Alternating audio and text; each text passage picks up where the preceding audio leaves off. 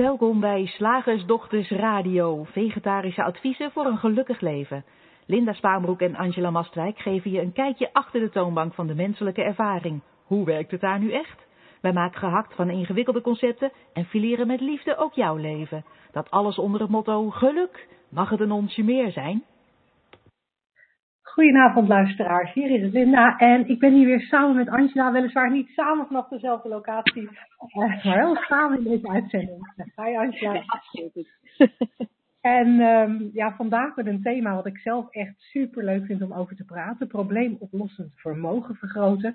Uh, en we zouden het natuurlijk super leuk vinden als je jouw vragen over dit onderwerp of over een ander onderwerp wat te maken heeft met uh, gelukkig zijn, gelukkig worden, lekker in je vel zitten, um, aan ons uh, stelt via het Q&A-vak wat je uh, lager op de pagina ziet waar je naar deze uitzending luistert. Uh, vul daar je dilemma, je vraag in en klik op verzenden. Dan komen wij er later in deze uitzending op terug. Voor iedereen die dit later tijdens de podcast hoort of als podcast hoort, welkom at de Slagersdochters voor jouw vragen. En die beantwoorden we dan in een van de volgende uitzendingen. Geen probleem als dat een vraag is die gaat over probleemoplossend vermogen. Ook al hebben we de volgende keer een ander thema, gaan we hier gewoon op in.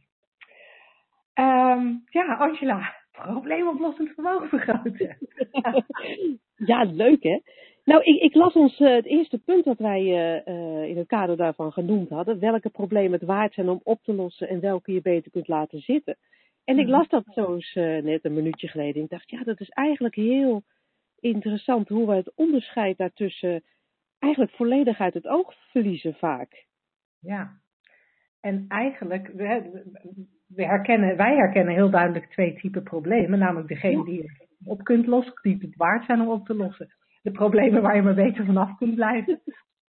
uh, maar, maar inderdaad, in het dagelijks leven zijn we als mensen heel erg geneigd om alle problemen ja, eigenlijk een beetje in hetzelfde vakje te stoppen. En ze allemaal met, de, nou, met evenveel enthousiasme en drang en stress op te proberen lossen. Wat uh, vaak tot meer ellende leidt dan tot echte oplossingen.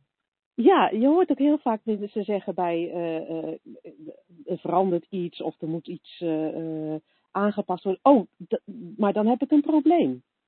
Ja, ja, en wat ik altijd hilarisch vind, is dat er ook een stroming is die dan zegt van nee, maar als je nou het niet een probleem noemt, maar een uitdaging, dan ga je er al makkelijker mee om. En ja. jij, jij hebt wel eens de uitdrukking, ja, je kan van een drol een taartje maken, maar het blijft stinken. dat, dat ik met uitdagingen. Weet je wel, je ervaart het eigenlijk als een probleem. Je vindt, want ook zo'n uitdaging, daar vind je van dat je het moet oplossen. Ik denk dat dat ja. de, de, de, de gemene deler is. Weet je, je wil het nog steeds oplossen. En ja, dan kan je het een uitdaging noemen. Je kan het een dilemma noemen, je kan het een probleem noemen. Maakt eigenlijk niet uit. Je gaat energie uh, in veel gevallen verspillen, uh, omdat je een oplossing gaat zoeken voor iets waar eigenlijk geen, uh, geen oplossing voor is. Nee. Ik, ik moest ook gelijk denken toen ik dit las aan, aan, aan jou en mij als, als camperreizigers. de een wat meer fulltime dan de ander. Maar uh, ik dacht, ja, je hebt wel eens in die oude campers een lekkend dak. Ja. En dan is het waard om het op te lossen. Dan, dan ga je naar de camper, meneer, of, of je, je kijkt je geliefde eens uh, aan. en uh, dan moet er iemand het dak op, dat luik moet eruit en dat moet opnieuw gekit worden waarschijnlijk. Ja. Ik zeg maar iets praktisch.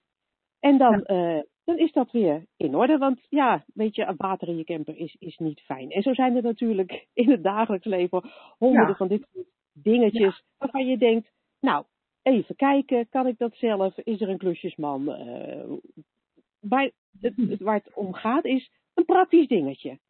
Precies. Ik had van de week, uh, of van de week, uh, ik, ik zat al eigenlijk al, al twee of drie weken te luisteren naar een verwarmingsketel die steeds hardere plofgeluiden ging maken. En op een gegeven moment lag ik in bed, in bed en toen hoorde ik zo'n knal. Toen dacht ik, wow, um, ik geloof dat ik nu toch maar eens iemand moet bellen. En dan bel je iemand en die staat dan met een grote gereedschapskist voor je deur. Die stampt de trap op naar de verwarmingsketel en die doet dan iets En dan is het inderdaad opgelost. Maar dat is ook zo'n praktisch ding.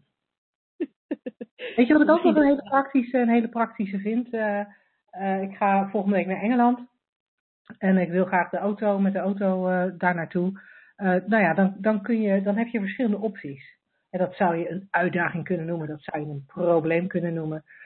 Um, maar, daar, maar daar heb je een beperkt aantal keuzes. Die keuzes zijn duidelijk en uh, je kunt elk, op, elk oplossingspad in dat geval even aflopen om te kijken of het werkt of niet werkt. Uh, of het een, een oplossing is die je prettig vindt of niet. Maar daar blijft het dan ook bij. Je hoeft er niet meer denkwerk voor te doen dan, uh, dan inderdaad die oplossingspaden af te lopen. En, en daar zijn we meestal ook wel voor uitgerust, hè? Sorry, ik verstond even niet wat je zei. Ik zeg, en, en daar zijn we ook heel goed voor uitgerust als mens. Ja. Om gewoon even om je heen te kijken en ik, oh, ik bel die of ik doe die stap of oh, dat kan ook. En, en misschien zegt de buurman, uh, uh, die doet een of andere handige suggestie. Uh, ja. Praktisch, handig, gezond verstand. Maar ja. het lijkt alsof we die hersencapaciteit, die, die daar heel nuttig voor is, zij gaan gebruiken voor heel andere problemen. Ja, voor problemen die, die, die niet zo tastbaar zijn. Uh, je zou ook kunnen zeggen problemen waar je niet alle uh, factoren van kent. Zolang je alle factoren of alle criteria kent, dan, uh, dan kan je het goed oplossen. Dak lekt. Ik weet niet hoe dat moet. Er zijn mensen die wel weten hoe dat moet. dan is de oplossing zo'n persoon bellen en, en je camper daar naartoe brengen. Of zoals jij net zei, je hebt een handige geliefde die dat misschien zelf kan. Maar in mijn geval, ik bel dan een, een camperreparateur. Uh, dan, ik, ben, ik ben mijn, ik ben mijn verhaal Je bent je draad even kwijt. Dus dat was, dat was het praktische, maar andere problemen gaan wij ook eindeloos over nadenken, die dat eigenlijk niet waard zijn. Nee, waar met name, waar met name het praktische gedeelte, nee, dat, dat was wat ik wilde zeggen, waar je niet alle factoren van kent. Want oh, ja. zolang je alle factoren kent, nou, kunnen, hebben, hebben wij het analytisch vermogen om daar iets mee te doen kunnen wij afwegingen maken, kunnen we keuzes maken. Maar we zijn heel erg geneigd om ook na te denken en een, een, een, probleem als iets te zien wat je moet oplossen als het een probleem is waar je niet alle factoren van kent. Nou, zullen we er een paar opnoemen, gewoon even ter lering en vermaak van die problemen die je ja. kan oplossen? um, als um, als mijn moeder over een paar weken naar het ziekenhuis moet voor een hartingreep, misschien dat mijn vader hier dan in huis komt slapen, misschien komt hij hier niet slapen. En dan moeten we iets regelen met naar het ziekenhuis rijden. En ik moet daar misschien wel mijn werk voor afzeggen. Nou, daar zou ik nu al een heel, een heel ding van kunnen maken.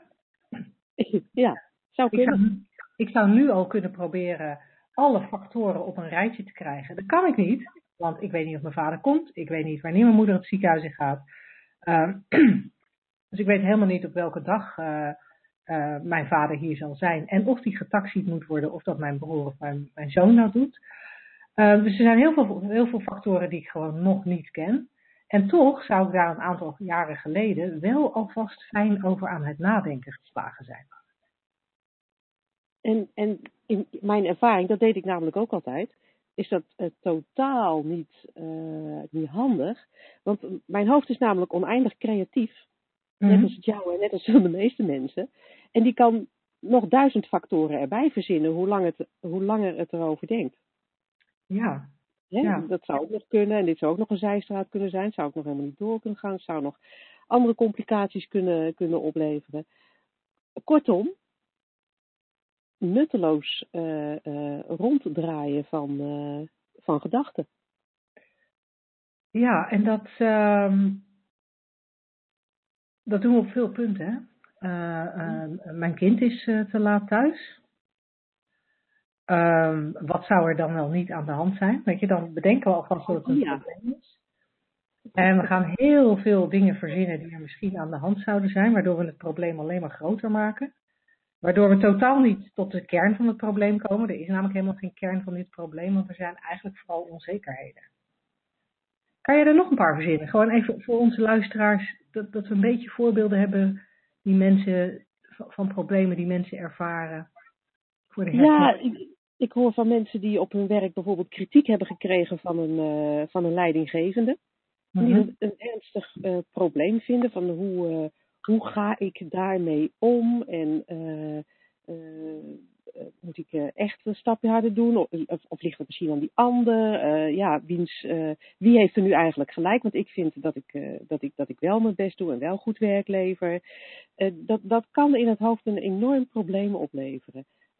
Mensen met, ik spreek natuurlijk vaak ouders van, van kinderen die gedrag vertonen wat niet wenselijk is, wat, wat afwijkend is, wat, wat je als problematisch zou kunnen aanmerken. En oh, oh, daar zit wel eens een praktische kant aan. Bijvoorbeeld mhm. als een kind niet eet en het, het weegt zo weinig dat het omvalt, zou er een infusie in kunnen. Ja. ja, om even praktisch te blijven. Uh, maar in het, wat er in het hoofd plaatsvindt, is, is, is, is niet alleen dat. En hoe begrijpelijk ook, uh, blijft dat dus eindeloos uh, rondmalen van uh, analyses, wat er aan de hand kan zijn, wat de oorzaak is, ligt het in het verleden, is er nu iets aan de hand, hoe gaan we dit oplossen, welke kant moeten we op, welke therapie moet er ehm, gekozen worden. nou ik kan eindeloos doorgaan. Ja, en dat, dat, dat eindeloze doorgaan gebeurt ook in, in ons hoofd, hè, in dat soort gevallen. Nou, absoluut. Ja, en dan zou je kunnen denken, ja, maar, maar dat lijkt me toch echt een heel ernstig probleem. En ook op je werk kan je natuurlijk, ik, ik noem maar iets, uh, ja, je krijgt ontslag aangezegd. Op gronden waarvan jij denkt, klopt dat wel? Ja. Dat, dit, dit, soort, dit soort dingen gebeuren en dat soort dingen kunnen als, als probleem uh, ervaren worden natuurlijk. Of uitdaging. Maar da, dat is de, de kern van, van wat wij, van onze boodschap even niet. um, maar wat wij eigenlijk willen communiceren. Als je heel, door, heel kort door de bocht gaat, even, even een stapje verder gaan. Buiten je hoofd is het probleem er niet. En ik wil even niet ter ontkenning van iets, hè. Maar even voor het perspectief. Ja. Buiten je gedachten over een situatie hoe bedreigend die er ook uit kan zien, hoeveel factoren er ook mee lijken te spelen en hoe onzeker de, de, de, eh, de toekomst uh, ook, ook lijkt te zijn. Buiten je hoofd is er niets, behalve dan als je bijvoorbeeld uh, de, de straat oversteekt en er komt een vrachtwagen aan. Dan is jouw probleem op dat moment dat je even uit de weg moet. Ja. Wil je blijven leven. Ja. En, en, en dat klinkt heel, uh, maar ik wil het even terugbrengen naar de eenvoud. Maar buiten dit soort eigenlijk acute situaties bestaat een probleem alleen maar uit, uit gedachten die in ons hoofd ronddwalen. Ja. En mijn ervaring is dat, dat als je dat kan doorzien en dat kan stapje bij beetje of steeds dieper of, of, of in één keer wegvallen over een bepaald onderwerp, dan is er de mogelijkheid om eigenlijk een soort stil te vallen. Als je snapt dat het allemaal geen zin heeft. Dat het jou een beetje eigenlijk loslaat, al dat gedwarrel in je hoofd. En het grappige is, heb jij vast ook ervaring mee, dat dan de stappen die, die eventueel te nemen zijn eigenlijk heel erg voor de hand liggen. Want als jij de straat oversteekt en er komt een vrachtwagen aan, probleem. Jij en de vrachtwagen op hetzelfde moment op, op het asfalt. Best acuut. Mm Daar hoef je niet over na te denken wat je doet.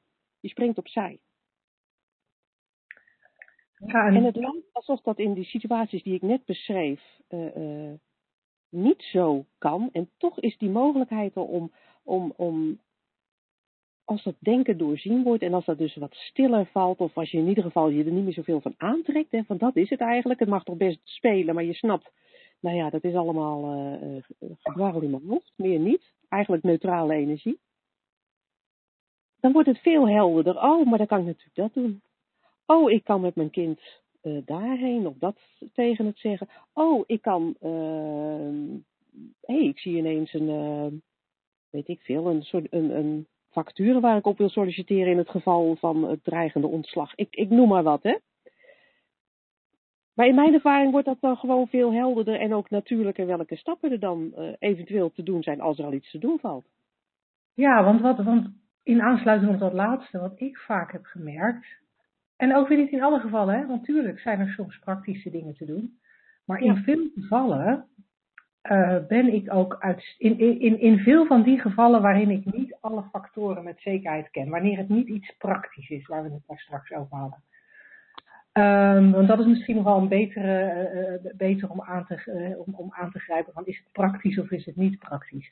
Als ik een probleem ervaar, komt het bij mij nog wel eens voor dat het in mijn hoofd, want zo werkt het systeem nou eenmaal, dat ik in mijn hoofd het probleem groter en groter maak. Um, omdat ik zo verschrikkelijk veel verschillende oplossingspaden aan het proberen te vinden ben, dat, dat het, nou ja, daar wordt het alleen al een huge probleem van, want het is heel veel in mijn hoofd. Maar ook omdat ik heel veel bewijs kan vinden in mijn gedachten dat het probleem wat ik ervaar een echt probleem is. Um, ik verzin eigenlijk dingen, maar die klinken dan op dat moment voor mijzelf wel heel erg logisch. Zou ik ze op dat moment aan iemand vertellen die niet net als jij en ik in de richting van de drie principles kijkt, dan zou zo iemand ook zeggen, ja, natuurlijk Linda, je hebt helemaal gelijk, dat is ook een probleem, dat is ook vervelend. Tuurlijk, als jij het zo voelt, dan is het waar.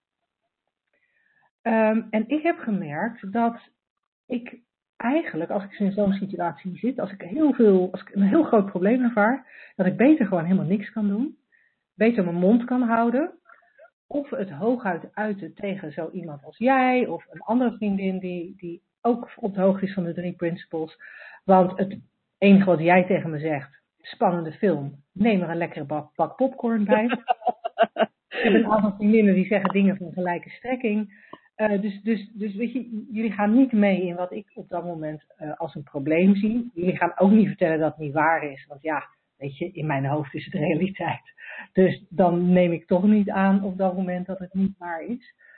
Um, maar als ik er niks mee doe, als ik niet naar degene toestap waar ik op dat moment het probleem uh, mee heb, of het probleem op ga lossen, op de uitdaging aanga, maar gewoon wacht tot de storm in mijn hoofd is gaan liggen,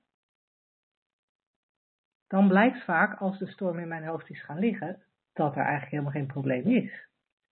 Het probleem was er alleen maar omdat ik zo ontzettend veel gedachten in een bepaalde richting had. Dus de kern van het probleem is eigenlijk leeg. De kern van het probleem is absoluut leeg. en, mijn, en mijn ervaring, als je, als je dan kijkt naar dat tweede punt, van hoe kom je sneller tot de kern van het probleem? Nou, door twee dingen te doen. Je af te vragen, is het praktisch, is het niet praktisch? Als het praktisch is, nou, dan doe je de stappen. Als je ze niet ziet, vraag je aan iemand om hulp die die stappen misschien wel ziet. Is het een, uh, een, een niet praktisch probleem, dan doe je gewoon niks. En wacht je tot je gedachten erover over zijn. En dan kom je, zoals jij dat altijd zo mooi zegt, vanzelf in beweging en doe je wat er gedaan kan worden. Ja. Ja, dus eigenlijk houden wij het zelf in stand door, al, al, door, door oplossingen te willen hebben. Door, door daar constant over, uh, over te blijven denken. Ja, door voortdurend aan het probleem te denken en voortdurend te denken dat het opgelost moet worden. Ja, want het, er zijn natuurlijk heel veel dingen die je in je hoofd als probleem zou kunnen beschouwen, die helemaal geen oplossing uh, uh, behoeven. Niet alleen omdat ze, omdat ze bijna uitsluitend in jouw hoofd uh, bestaan. maar nee. Om, nee. Maar ook gewoon om de eenvoudige reden dat, dat ze, uh, weet je, een heel deel van de problemen is 100% afhankelijk van jouw gemoedstoestand in het moment. Ja. Ben je een beetje emotioneel of moe of zagrijnig of, nou ja, noem een andere wat minder positieve gemoedstoestand. Ja, weet je, dan kan van alles een probleem worden. Dan is het feit dat je partner te laat thuis komt voor het eten, is natuurlijk omdat hij jou niet serieus neemt en geen rekening met je houdt. Dat zijn de gedachten van dat moment. En dan ja. heb je een probleem. En dan heb je een probleem waar je het eens even goed met hem over wil hebben. Terwijl op een ander moment, als je een goede gemoedstoestand hebt en hij is te laat voor het eten, dan zeg je, hé hey, schat, fijn dat je er bent. En je, warmt, je stopt zijn eten in de magnetron of je laat het hem zelf in de magnetron stoppen en, en er is niks aan de hand ik, ik zie nu ook zo'n zo'n kleutertje voor me. Wat, uh, dat, die ervaring uh, hebben alle ouders uh, onder de luisteraars misschien wel. Zo'n kleuter of peuter die na een lange dag op de speelzaal of zo, die dan vermoeid is. Daar kan ook alles een probleem voor zijn. Een knoop die niet dicht gaat. Een, een, een, een, knuffel die niet op de juiste plek thuis zit te wachten. Ja. nou ja, de dingen waarvan wij denken, kind, maar wij doen exact hetzelfde. Ja, het is een heel mooi voorbeeld, ja. Zo van, oh, oh lieverd, wil je, wil je een glaasje melk? Nee. En nou, je ziet het drama voor, voor je. Zo'n kind, alles is een probleem en niks is goed. Maar wij doen eigenlijk hetzelfde in een, in een, in een lage gemoedstoestand. Dat wij, en dan lijkt het natuurlijk groter te zijn, omdat wij in de grote mensenwereld meer gedachten hebben, hebben bedacht en, en meer situaties ons, voor ons kunnen halen en ook uh, um, ja, verder vooruitdenken en, en achteruitdenken met dat uh, creatieve hoofd van ons. Maar uiteindelijk gebeurt er natuurlijk het, het, hetzelfde. Ja, ja, en het grappige is waar we bij zo'n peutertje of zo'n kleutertje dan heel duidelijk kunnen zien. Nou, hij is moe, er is geen land mee te bezeilen, laat maar. Weet je, we gaan er niet meer in discussie. uh, een beetje vroeg naar bed en uh, morgen is het weer over. Ja. Dat zouden we eigenlijk tegen onszelf ook moeten zeggen. Weet je, ja, op het moment dat je in zo'n probleem, uh, probleemhoofd voelt opkomen. Oké, okay. hier is geen land mee te bezeilen. Vroeg naar bed, morgen weer een dag. je knuffeldekentje mee en plat. Ja. Precies. ja, we maken, het, we maken het misschien een beetje eenvoudig. Maar zo eenvoudig, als je het gaat herkennen, is het zo eenvoudig. Het is zo eenvoudig. Ja. Ik stel voor dat wij lekker naar de wetenschap gaan. Ja. Slagersdochters, wat zit er in de leverworst? Oftewel, tijd voor wat wetenschap. Ja, de wetenschap. Um, oxytocine, daar wil ik het deze week eens over hebben. Wat is het? het klonk mij als zuurstof in de oren, maar oxytocine is een, uh, ja, is een, uh, een neurotransmitter, of een, ook wel een hormoon genoemd. En uh, daar is onderzoek naar gedaan, al, al heel veel en jarenlang, maar weer een nieuw onderzoekje. En, en dat, uh, dat uh, verbaasde mij en, het, en het, het vermaakte mij. En ik dacht, hier ga ik het met Linda even over hebben. Nou, laat horen. nou, het onderzoek wat gedaan is naar oxytocine, of het laatste onderzoek dan, wat mij ter ogen, onder ogen kwam, is op de Duke University in Amerika. En dat is in, in North Carolina, geloof ik, als ik het goed gelezen heb. Uh, heeft een onderzoek gedaan naar dat mooie stofje in onze hersenen en ons, uh, wat het hele lijf doorgaat. En zij noemen dat het liefdeshormoon ook wel.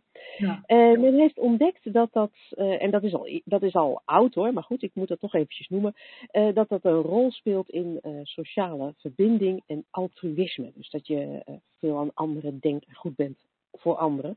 Mhm. Maar zeggen ze nu in dit nieuwe onderzoek, ja, het doet nog iets anders. Het kan ook je spiritualiteit ondersteunen. En dat vond ik heel opmerkelijk. Oké, okay, vertel. Ja, ja, heel grappig. Deze studie is alleen gedaan onder mannen. Waarom is, is, is niet duidelijk. Ze willen het ook nog bij vrouwen gaan doen. Maar uh, ja, onderzoeksobjecten noem je dat geloof ik. Hè? Mensen die, uh, die meedoen aan zo'n onderzoek, die, die kregen dus oxytocine uh, toegediend. En uiteraard was er ook een controlegroep die een placebo kreeg toegediend. En uh, de mensen die oxytocine kregen toegediend, die, uh, die deden verslag van een verhoogde gevoel van spiritualiteit. En dat duurde wel een week.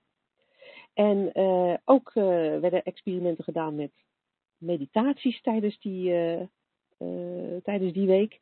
En dan ervaarde men meer positieve emoties tijdens die meditatie.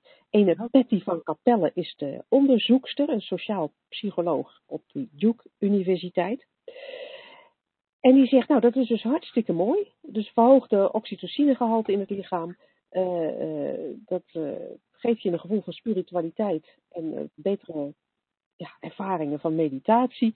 En mhm. ja, dat zegt zij, dat is goed voor je gezondheid en voor je welzijn, want dat is al eerder bewezen. En zij was dus geïnteresseerd in, in, in de biologische factoren in. En uh, even kijken, hoe, wat hebben ze nou precies gedaan? Want oxytocine komt nat, op een natuurlijke wijze in je bloed ook voor. Hè? Het is gewoon een natuurlijke stof. Jij kent het ook vast wel uh, als stof die, die de bevalling opwekt, heb ik gelezen. Ja. En, ja. ja. en, en, en, het, en het is het hormoon dat vrijkomt als vrouwen borstvoeding geven. Borstvoeding geven, inderdaad. baby uh, ja. versneld plaatsvindt. Precies. En dus ook empathie, vertrouwen en sociale verbinding. En eigenlijk is dat, toch, eigenlijk is dat logisch. Dat, je, mm. is een heel mooi systeem, vind ik. dus je, mhm. je, hebt een kind en, en die hormonen komen vrij door, door borstvoeding. En dat, dat geeft ook een gevoel van verbondenheid, blijkbaar. Prachtig mhm. systeem. Nou, maar dit hebben ze dus bij, uh, bij mannen getest. En uh, ze hebben daarna ook een vragenlijst voorgelegd. En dan moesten mensen dus verslag doen over hun gevoelens en, en mededelingen doen. En dus de, de, de, mensen die oxytocine hadden toegediend gekregen, die zeiden ja, spiritualiteit is belangrijk in mijn leven. En dat zeiden ze veel vaker dan de mensen die dat dus niet toegediend hadden gekregen. En dat was, uh, stond helemaal los van het feit of ze nou in hun leven daarvoor een kerk bezochten of anderszins religieus was, waren. en ook die deelnemers die dus oxytocine hadden gekregen, die waren meer geneigd om zichzelf te zien als verbonden met andere mensen en ook andere levende wezens. En ze waardeerden stellingen als al het leven is onderling verbonden en er is een hoger ja, spiritueel vlak van, van, van bewustzijn wat alle mensen verbindt. Dat vonden ze meer waar dan voordat ze uh, oxytocine kregen toegediend. Oké. Ja, en, en tijdens die meditaties die ze dus uh, moesten doen, meldden zij dat, ja, dat ze een, een gevoel van verwondering hadden en, en dankbaarheid en hoop en inspiratie en liefde en sereniteit. En er was slechts een klein verschil in al die mensen die, uh, die dat stofje kregen toegediend. Afhankelijk van een, een, bepaald gen wat ze dan wel of niet hadden, waardoor oxytocine makkelijker door hun lijf uh, werd losgelaten. Daarin waren alleen kleine verschillen, maar de verschil tussen de groep met wel oxytocine en niet was dus aanmerkelijk uh, in het onderzoek. En ze willen dus nog verder onderzoek doen, ook bij, ook bij vrouwen. En de enige opmerking die mevrouw van Kapellen waarschijnlijk spreek je het op zijn Amerikaans uit, dat is een Amerikaan, Van Kapellen, uh, zei, uh, naar aanleiding van het onderzoek, ja, het is natuurlijk wel even een dingetje dat spiritualiteit misschien een beetje een, ja, heel veel definities heeft. Dus dat wij eigenlijk niet zo goed kunnen vaststellen wat men nou bedoelt. Met, nee. met meer spiritueel zijn. En ik vind het zo grappig omdat wij ja, wij hebben het over uh, die drie principes. Dat, is, dat zijn spirituele principes. En daarbuiten kunnen wij ook erg lachen om spiritualiteit, zoals het vaak wordt gepresenteerd in een vorm met paarse jurken en, en kristallen bollen. Mm -hmm. Daarin zit natuurlijk al ja, een verschil in perceptie van het, van het, van het concept zelf. Dus daarom vond ik het al grappig om het te noemen. De, ik denk, hoe kan je nu iets onderzoeken wat zo subjectief is, die mhm. ervaring. He, want wat ik spiritueel noem, kan jij wel helemaal niet spiritueel vinden. En ja, en een gevoel benoemen is natuurlijk ook al um, wat ik misschien ontzag noem voor een, voor een, uh, een groter dan iets dan ik. Uh, kan jij wel heel anders omschrijven. Dus ook in dat kader vond ik het eigenlijk dubieus.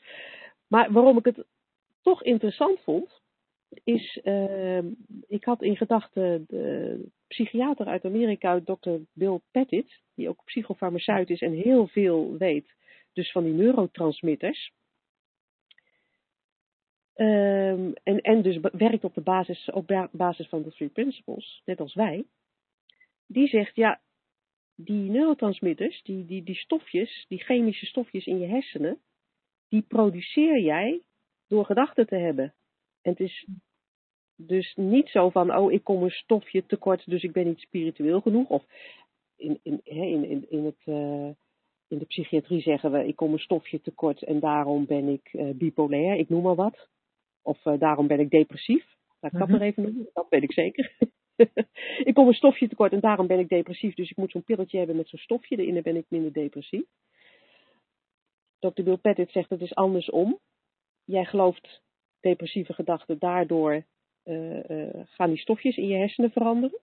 Want het is gewoon een bijproduct van de gedachten die je gelooft. Mm-hmm. En ook in dit onderzoek zie je natuurlijk dat mensen, dat, dat er dus door wetenschappers wordt geëxperimenteerd met stofjes al dan niet toedienen. En, en, en kijken wat daar de gevolgen van zijn. Terwijl jij en ik zo toch uh, heel sterk in de gaten hebben dat die stofjes voortkomen juist uit wat jij denkt. Ja, en wat, wat, wat, je, wat ik ook wel meen te zien, en dat is ook subjectief, het is mijn waarneming, ik heb er geen onderzoek ja. naar gedaan. Wat je heel sterk merkt, dat mensen die in de richting van de drie principes kijken, die op een gegeven moment, waar de inzichten op een gegeven moment ook echt inzinken, die ervaren, uh, ja, die rapporteren eigenlijk allemaal dat hun relaties verbeteren. Of dat nou liefdesrelaties zijn, of relaties met kinderen, of met ouders, of met vrienden, met collega's. Um, en ja, als je, als je ja, en, en, wat ook veel gerapporteerd wordt, is, is uh, meer verbondenheid.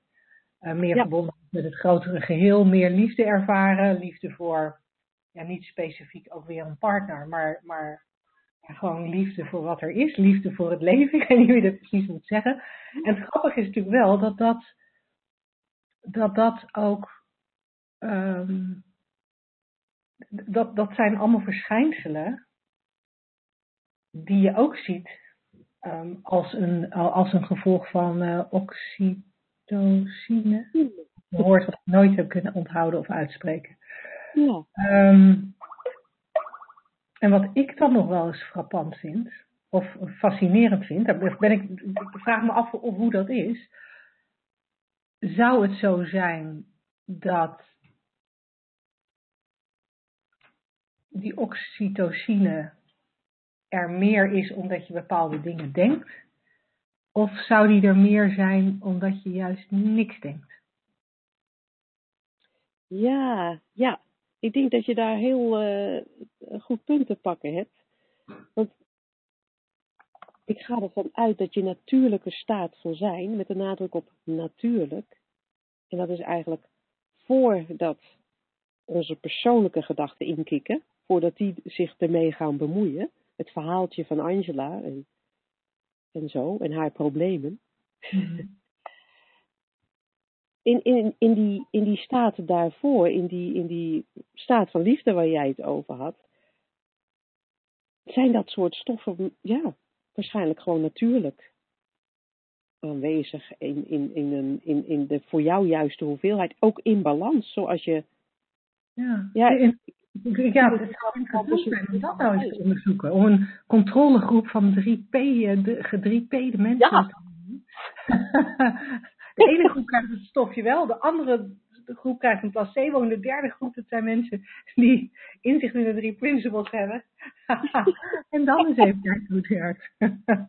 Nou, dat, dat lijkt me nou een heel goed voorstel. Ik ben benieuwd of, de, of, of iemand, of een wetenschapper dat aan uh, zou durven. Ja, cool.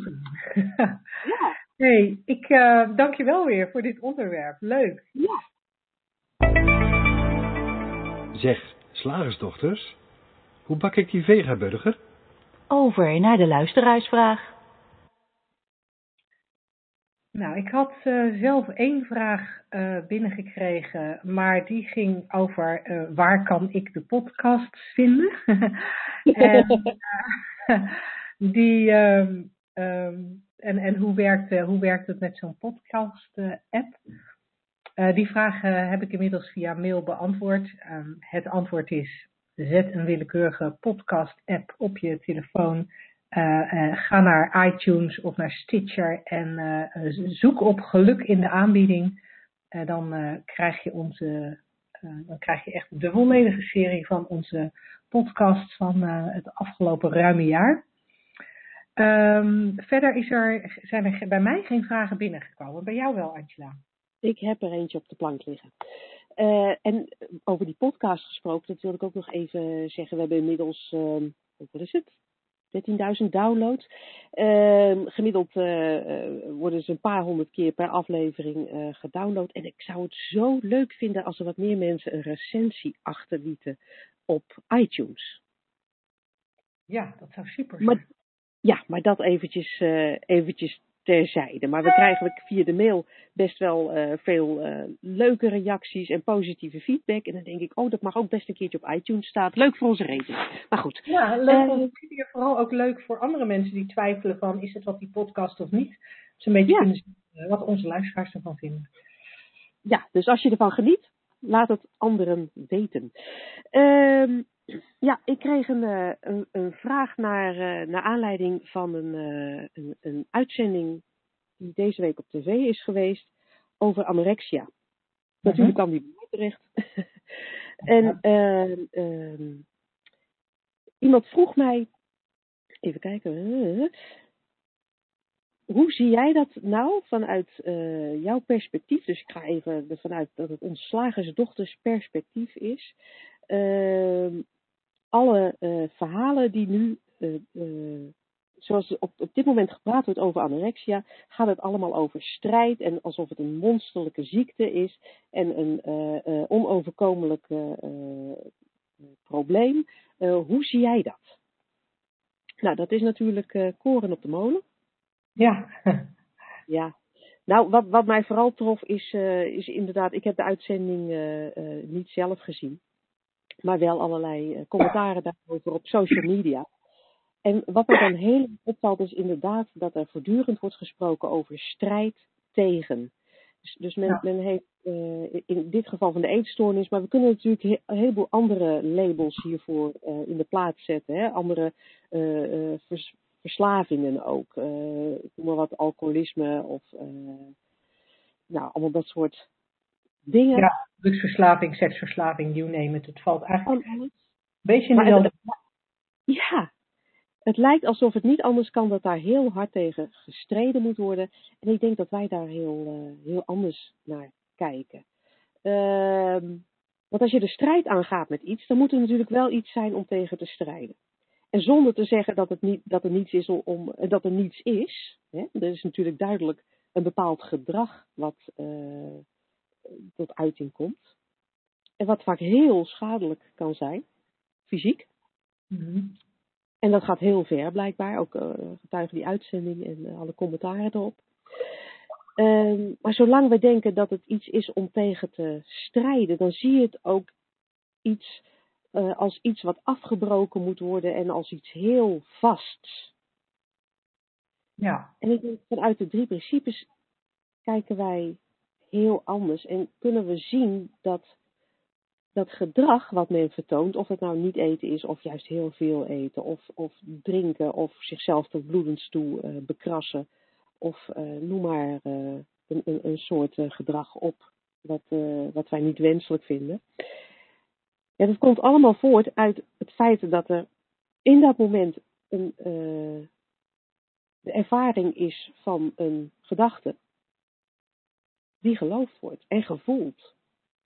En blijkbaar zijn die gedachten zo, uh, worden dus zo sterk geloof gehecht aan die gedachten van ik mag niet eten, of ik moet mijzelf beschadigen, of ik moet het in de hand houden, of ik heb een drankje nodig, of, of, of wat, de, wat de gedachte ook is en welk uh, uh, gedrag daar ook uit volgt. Feit is, de kern is, er komen gedachten op in een hoofd die worden geloofd en daar wordt gevolg aan gegeven en dat is het gedrag.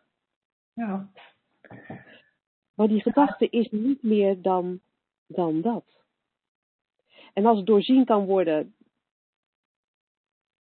dat het slechts neutrale energie is waar je geen gehoor aan hoeft te geven, wat jij niet bent, wat je weliswaar voelt, als jij de hele dag door beperkende gedachten hebt over jezelf, of over wat je allemaal wel en niet mag eten, of gedachten hebt over uh, uh, dat je, dat je alleen maar kan ontspannen met, uh, met uh, een biertje of weet ik veel. dat, dat voel je natuurlijk de hele dag. Maar als je kan zien dat een gevoel nooit het probleem is en dat er geen gehoor aan hoeft gegeven te worden, dat, je, dat jij het niet bent, dat het gewoon voorbijgaande energie is, dat je er niets mee hoeft, zeker niet ertegen hoeft te vechten of om te buigen, en dan, dan krijgt het een heel ander uh, karakter eigenlijk, zou ik willen zeggen. Ja, ja, zeker. En ik zie daar ook nog een ander aspect aan. En ben heel benieuwd wat jij daarvan vindt, omdat dat jij meer, uh, denk ik, dichtbij ervaring hebt met het oplossen van dit soort dingen. Alhoewel, dat zeg ik, maar misschien nog niet helemaal waar. misschien heb ik ook wel meer ervaring dan ik uh, graag zou willen. Um, wat, wat ik ook zie, is dat mm, iedereen uh, eigenlijk altijd, uh, we willen allemaal graag een goed gevoel hebben. Ja. En, en als we geen goed gevoel hebben, dan trappen we, en ik zeg we, uh, omdat we het allemaal wel eens doen, maar mensen die een verslaving hebben, die lijken het net even vaker te doen dan sommige andere mensen. Um, maar op het moment dat we dat goede gevoel niet hebben, willen we graag dingen doen om het goede gevoel te krijgen. En het misverstand is dan dat er iets van buiten moet komen om dat goede gevoel te krijgen. Uh, en dat van buiten is bij een verslaafde het drankje of de drugs of de seks. En bij de, uh, uh, bij, bij de anorexia-patiënt is, het, is dat wat er van buiten moet komen, het, het, de controle over het niet eten, stel ik mezelf voor. Ja, ja. En het misverstand ligt erin dat we dan op die momenten niet zien dat het goede gevoel in ons zit. En dat de enige reden dat we dat goede gevoel niet zien, is omdat we heel veel gedachten hebben, negatieve gedachten, hè, omdat we gedachten geloven, waar jij het net over had, om, omdat we negatieve dingen geloven, negatieve gedachten over onszelf geloven, uh, over onze omgeving, wat het dan ook is wat ons een rotgevoel geeft. Het rotgevoel komt van die gedachten. En zodra je dat ziet, is het ook ineens niet meer logisch om een drankje te nemen of om drugs te nemen, dan wordt het ineens heel logisch om de gedachte te laten voor wat hij is.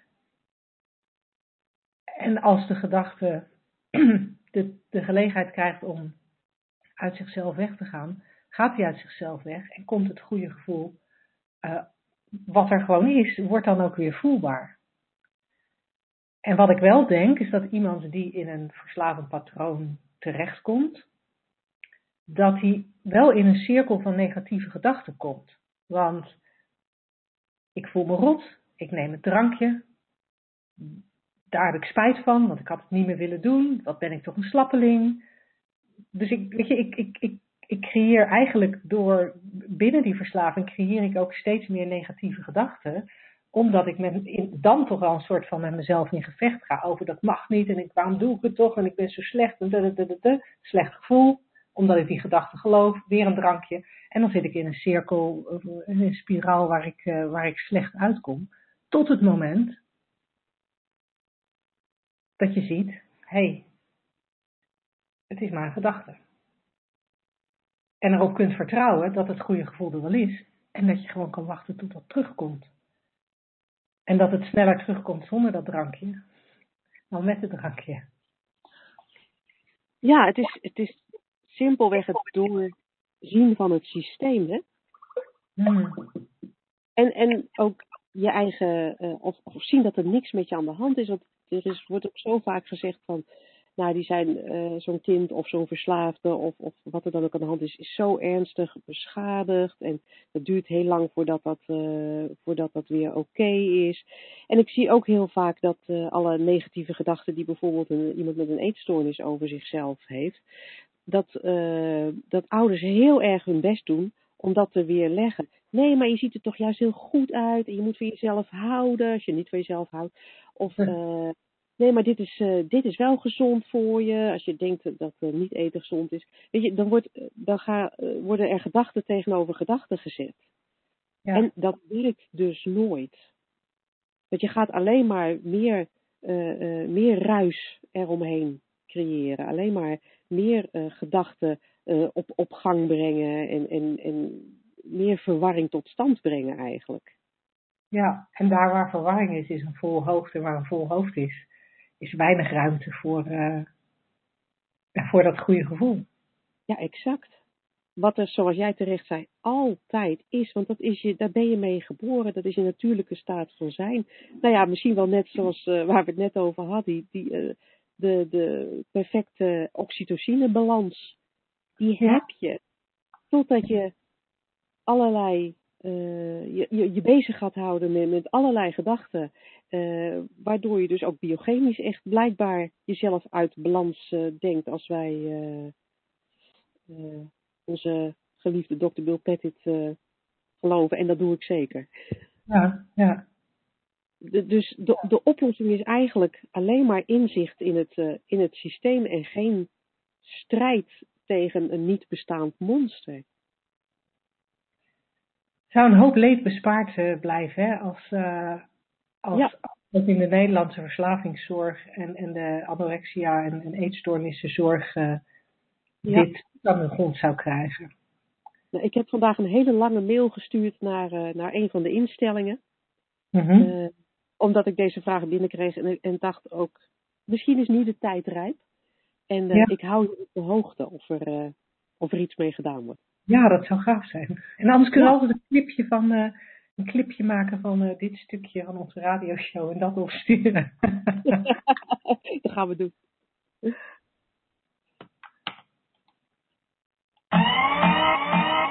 Woensdag, gehaktdag. Zeg slagersdochters, welk concept gaat er vandaag door de molen? Hij is leuk, hè? Um, er moet wel wat te overblijven. Ja. Dat was het concept wat wij bedacht uh, hadden voor vandaag, 23 november. Er moet wel wat te wensen overblijven. Waarom zeggen we dat eigenlijk? Weet jij het? Nou, Mag je niet tevreden zijn? wat zeg je? Mogen we niet tevreden zijn? Nou ja, blijkbaar niet. En, en blijkbaar ben je een beetje inhalig als je nu gewoon alles doet waar je zin in hebt. Uh, het is oh, een ja. beetje alpinistisch, hè? Ja, ja dat is er weer in. Overblijven moet ik niet. Je moet nu niet te veel naar je zin hebben. Doet me denken aan, uh, aan, die, aan die opmerking die jij kort geleden naar je hoofd kreeg. Dat, het, uh, dat je eigenlijk een beetje te vrolijk bent. Ja, dat is zo vrolijk. dat veel te vrolijk ben voor deze wereld. Ja, daar moet natuurlijk wel ook wat... Uh, er moet wat de overblijven. Ja. ja, er moet wel wat te wensen overblijven. Ik vind het intrigerend um, wat, de, wat de behoefte is...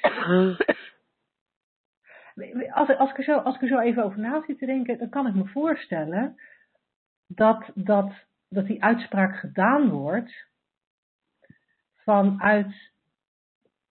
Ik weet niet of ik hem onder woorden kan brengen, maar ik voel hem wel. Um, als je denkt dat je geluk afhankelijk is van iets buiten je, dan.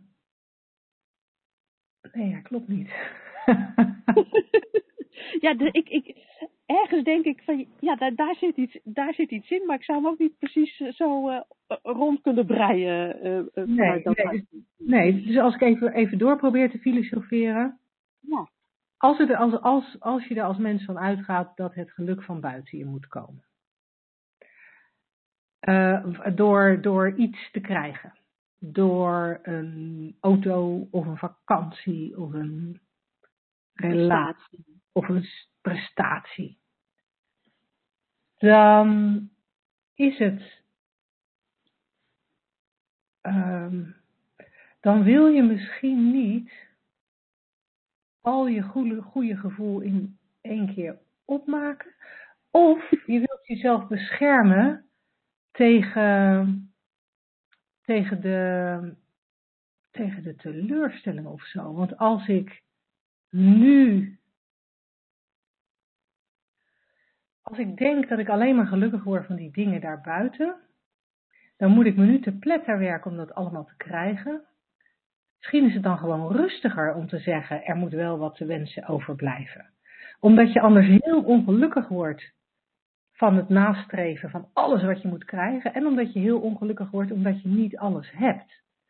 En je Oh, dus ja. eigenlijk niet, dat is waar ik naartoe wilde, dan heb je eigenlijk niet het geluk wat je zou kunnen hebben. Ehm, en dan troosten we onszelf door te zeggen, nou er moet wel wat te wensen overblijven. Het is niet zo erg dat ik die Ferrari niet heb, want er moet wel nog wat te wensen overblijven. Ja, zo dan heb ik morgen ook nog een snoepje. heb ik morgen ook nog een snoepje en dan, dan hoef ik nu niet in een of andere diepe donkere put van ellende te zakken omdat ik mijn Ferrari nog niet heb. Want de Ferrari komt nog. Het is een soort worst die we onszelf voorhouden. Weet je, ik ben nu niet 100% gelukkig, maar dat komt natuurlijk door die Ferrari. Maar goed, er moet wel wat te wensen overblijven. Dus ik settle met het geluk dat ik nu heb. En de rest komt dan hopelijk later wel. Wat ook weer volledig voorbij gaat aan het feit dat je van die Ferrari niet gelukkig gaat worden. Dat je van de vakantie niet gelukkig gaat worden. Want het geluk zit al. Ja. Dat je inderdaad van de vervulling van welke wens dan ook nooit gelukkig wordt. Kan je blij maken? Een middagje misschien? Hm. Best Ja. wel. Ja, best wel. Soms, soms vijf Ja, minimaal. En eh, ja, wat overigens natuurlijk weer niet wil zeggen dat je nergens van geniet. Hè? Want er zijn ook wel eens mensen die dan tegen mij zeggen: Ja, maar waarom heb jij dat hondje dan? Eh, dat hondje maakt jou toch ook gelukkig? Nou ja, ik weet niet, ik denk niet dat het hondje mij gelukkig maakt. Ik geniet wel van het hondje. En het Ja. hondje is voor mij wel een goede manier om, eh, en ik zeg hondje, dat klinkt misschien een beetje kwijlenbabberig, maar voor de luisteraars, het is echt een heel klein dingetje. Dus vandaar dat ik een hondje noem. Eh, dat hij, dat hij, ehm, hij zorgt er wel voor dat ik de deur uit ga. Dat vind ik leuk. Ik, ik geniet daarvan. Zonder mijn hond zou ik ook gelukkig zijn. Ja, het houdt natuurlijk niet in eh, ehm, dat je niet mag ervaren. Je bent, ja, ik weet het niet, maar volgens mij is ervaren eh, eh, menselijk. En je kan hartstikke, oh heerlijk, zo'n hondje, lekker aaien en lekker mee naar buiten. En, eh, of lekker eten, ik noem maar wat. En ik zou daar echt, sterker nog, dat doen we gewoon 100% van, van genieten. Alleen, ja, ik weet dat het niet de kern is van mijn geluk. Nee, en, en wat me ook te binnen schiet, wat dan denk ik, als je dat doorziet, wat dan denk ik anders wordt. Eh, eh, zeg maar, zo'n uitspraak als er moet wel wat te wensen overblijven. Dat wensen heeft voor mij toch iets, iets sterks, alsof het toch wel een soort van belangrijk is dat het er gaat komen. Eh, dat het toch wel nastrevenswaardig is. En wat ik merk als je het systeem doorziet, dat je nog steeds filosofeert over dingen die je leuk lijken. Ja, Het lijkt me best, ik, ik, het lijkt me nog steeds onwijs leuk om een, eh, een, een eigen trainingsruimte te hebben. Mijn, zeg maar, wat, wat, ik, wat ik nu dan zo'n beetje droom, is eh, dat er iemand in een, eh, in een, bij mij in de buurt in een eh, boerderij woont of in een, in een, ja, een boerderij is eigenlijk het ideaalbeeld en daar is een stal naast. En die stal die hebben ze alles een keer verbouwd tot kantoor of, of trainingsruimte. Maar nu gebruiken ze hem zelf niet meer en nu zoeken ze een huurder. En dat ben ik dan. Weet je, dat, dat, dat, dat lijkt me leuk. Daar, daar, Ja. daar kan ik een beetje over dromen. Maar dan oh, is en het- dan weet ik dat ik bij jou mag komen zitten af en toe. ja, ja, ja, ja, ja, want dan, dan gaan we daar onze, onze, onze relatieweekend eh, gaan we daar, eh, gaan we daar doen. Hè? Het relatieweekend Ja, dat we graag eh, willen houden. Ja. Voor onze luisteraars, mocht je daar belangstelling voor hebben, laat het ons even weten via mail. Je zit nergens aan vast, maar dan weten wij een beetje of er inderdaad belangstelling voor zo'n weekend is. Maar dan, dan kunnen we dat soort dingen daar doen. Dan kunnen we er af en toe eens eh, coaching doen. eh, nog wat andere trainingjes en bijeenkomsten. Ik kan daar ook de training van mijn gewone bedrijf doen. Eh, en, en daar kan ik heerlijk over dromen. En, maar dromen, ik weet, niet of, ik weet niet of ik de essentie overbreng, maar dat voelt voor mij, heeft voor mij wel een ander, ander gewicht dan, dan wensen. Omdat, weet je, dat dromen, een beetje fantaseren, beetje opties, want ik kan ook prima een fantasie hebben over een ander type plek om, om trainingen met jou samen te doen. Maar dan. Het, het, het, het is op de een of andere manier losser. En het is meer een beetje mogelijkheden verkennen dan, oh, dit moet het zijn en dit ga ik heel erg zitten wensen. Ja, het heeft voor mij zoiets van, oh, dat zou leuk zijn. Ja, ja. En dan kunnen we als mensen wel 25 dingen bedenken of 2500 dingen bedenken die leuk zouden zijn. Maar omdat, het, omdat, omdat je weet dat je geluk er niet van afhankelijk is en je goede gevoel er niet van afhankelijk is, kan je het allemaal veel meer nemen zoals het komt en zoals het is. Ja, precies. En, en ook, het, het, het lijkt ook een soort, um, omdat je inderdaad er niks aan ophangt, alsof je alerter wordt en, en mogelijkheden zich dan ook makkelijker laten zien. Het, het is niet de juiste uh, terminologie, mm-hmm. maar ik heb even zo'n beeld voor me van als je denkt, oh, dat wil ik en, en uh, zo moet het eruit zien, dan, dan, dan heb je een soort uh, kokervisie. En als ik naar jou luister, dan hoor ik meer van, oh, je houdt het heel open en, en breed en, nou, een soort, eh, een, een, ander pers, een hoger perspectief, laat ik het zo even zeggen. Ja, ja. denk, je, denk je dat we daarmee het formaalconcept, uh, of het concept voor, voldoende hebben vermaald? Er moet wel wat te wensen over blijven. Of, of is er nog wat te wensen over? Op dit gebied. Nou, als dat zo is, dan horen we dat wel van onze luisteraars. Laat het ons vooral weten via welkom@deslagersdochters.nl.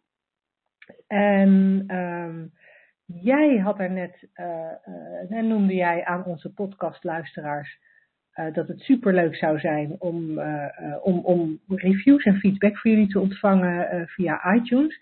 Um, van onze kant zou ik je graag aan willen bieden, als je dat nog niet gedaan hebt, om naar onze website te gaan, deslagersdochters.nl. Want wij hebben daar voor jou een hartstikke leuk gratis e-book, Drie Stappen naar Geluk. En als je dat nog niet hebt, dan uh, staat het voor je klaar. Het enige wat je hoeft te doen is even je naam en je e-mailadres achter te laten uh, in het uh, aanvraagblokje op onze website www.deslagersdochters.nl. Nou, tot zover deze uitzending van vanavond. Heel graag tot volgende week. Tot dan.